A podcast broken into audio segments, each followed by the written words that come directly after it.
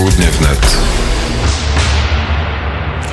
Godzina 17.10 na naszym zegarze, a teraz jak co czwartek czas na przegląd mediów arabskich i mówimy dzień dobry do Macieja Jastrzębskiego. Dzień dobry e, Jaśmino, dzień dobry Państwu. Bliski Wschód. Bliski Wschód jest jak to ciało pradawnego giganta, napięte mięśnie.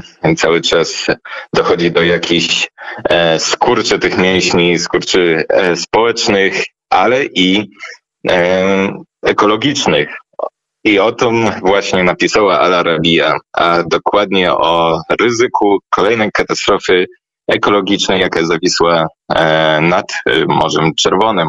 Królestwo Arabii Saudyjskiej poinformowało Radę Bezpieczeństwa ONZ, że na Morzu Czerwonym zaobserwowano plamę ropy naftowej. Według saudyjskich dyplomatów znajduje się ona 50 kilometrów od pozycji statku do przechowywania i rozładunku ropy o nazwie Safer, przebywającego w pobliżu jemeńskiego wybrzeża, dokładnie niedaleko portu Al-Hudejda.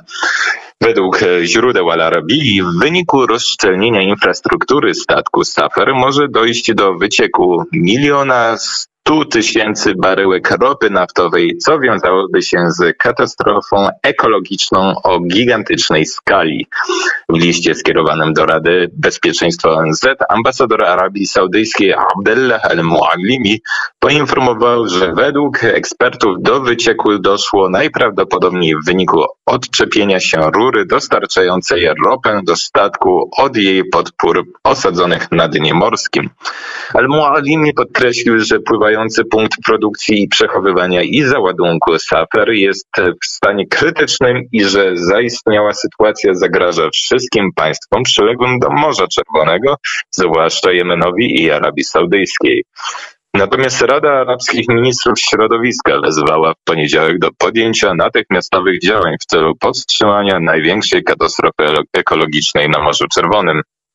Rada wezwała sekretarza generalnego Ligi Państw Arabskich do zaktywizowania regionalnych i międzynarodowych organizacji oraz krajów graniczących z Morzem Czerwonym tak, aby wdrożyły one decyzje Rady w związku ze statkiem Safar, a także żeby wykorzystały odpowiednie mechanizmy mające udaremnić wiszącą w powietrzu katastrofę, o czym poinformowała jemeńska agencja informacyjna. Safar to statek klasy FPSO, czyli Floating Production Storage and Offloading Vessel, co na język polski tłumaczy się jako pływający statek produkcji, przechowywania i załadunku.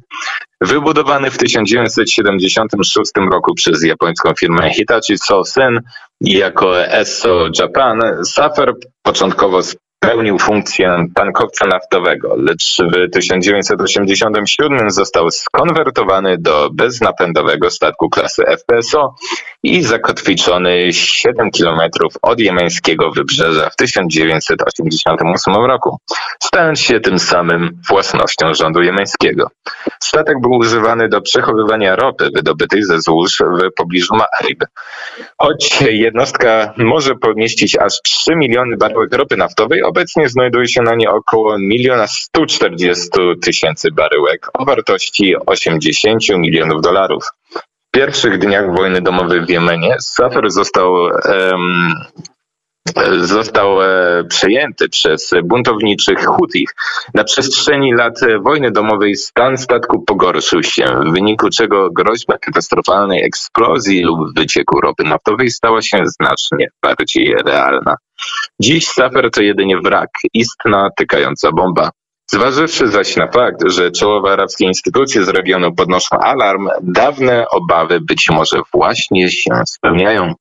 Jeśli zaś do kataklizmu dojdzie, Arabia Saudyjska, będąca arabską orędowniczką zwrotu ku zielonej energii, będzie musiała złożyć daninę czasu i pieniądza na walkę z jej środowiskowymi konsekwencjami.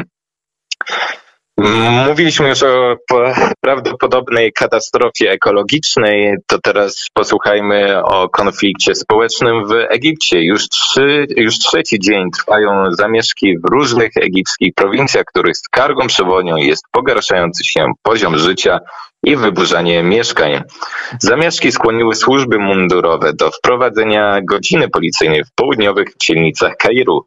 Al Jazeera podaje, że doszło do zatrzymania dziesiątek protestujących. Od niedzieli w wielu egipskich prowincjach i gminach tysiące Egipcjan wychodzi na ulicę. Położona w północnym Kairze dzielnica Shubra, a także dzielnice południowe Al-Basatain i Al-Ma'adi stały się sceną dla starć protestujących z policją. Po drugiej stronie Nilu, w miejscowości Abu an-Numrus, położonej na obrzeżach Kairu, a także w miejscowości Ashobak w prowincji Giza, demonstranci protestowali przeciwko pogorszeniu się sytuacji życiowej, wzrostowi cen, a także wyburzaniu mieszkań. Demonstracje rozlały się na miasto Aswan, prowincję Kina, Asyut i Alminia na południu Egiptu, a także na prowincję Al-Kalubija i Aleksandrię. W miastach na południowych obrzeżach Kairu we wtorek wprowadzono godzinę policyjną. Tryb wprowadzenia godziny policyjnej zaskoczył mieszkańców, gdyż decyzję o tego typu środkach podjęto na poziomie lokalnych sił policji, nie zaś Ministerstwa Spraw Wewnętrznych.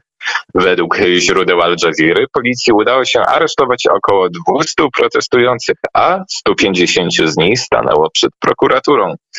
Na stronach internetowych zarządzanych przez policję opublikowano zdjęcia zatrzymanych mężczyzn, rzekomo stojących za rozpętaniem demonstracji. Prokuratura zdecydowała pozostawić wspomniane osoby w areszcie na czas 15 e, dni dla dobra przeprowadzonego śledztwa. Podczas e, demonstracji na południu prowincji Kair i Giza protestujący starli się z policją i podpalili kilka wozów policyjnych.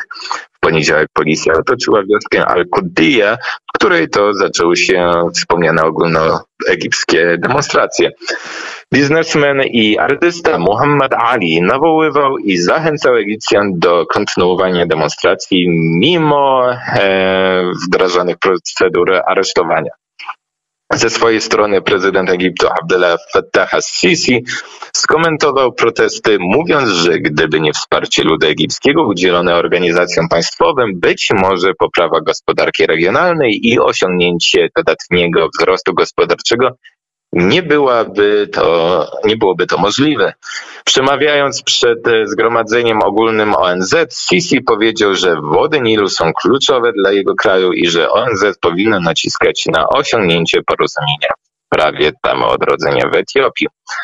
A teraz przenieśmy się na północno-zachodni kraniec Afryki do Maroka. Niniejsza informacja powinna zainteresować entuzjastów i ekspertów e, bankowości, ponieważ Europejski Bank Odbudowy i Rozwoju EBRD udostępnia Crédit Agricole du Maroc, będącemu czołowym bankiem finansującym sektor rolnictwa w Maroku, nową linię finansowania handlu zagranicznego.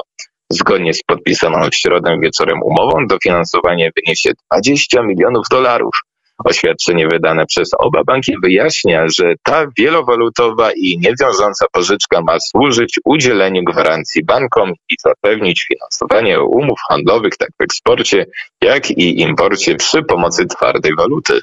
Nowa linia kredytowa zaoferowana Maroku jest częścią programu EBRD pod nazwą Trade Facilitation Program, Dołączając do programu, Crédit Agricole du Maroc zyskuje dostęp do sieci ponad 100 banków emisyjnych i 800 banków akredytowanych, będących partnerami EBRD na całym świecie. Dostęp do tak rozbudowanej sieci pozwala klientom na korzystanie z nowych okazji biznesowych na poziomie międzynarodowym. Jest to także pierwsze porozumienie podpisane między EBRD a Crédit Agricole du Maroc. I tym akcentem życzę wszystkim Państwu, a także e, ekipie Radia Wnet, pomyślności finansowej. Dziękuję, kłaniam się, przekazuję głos do studia.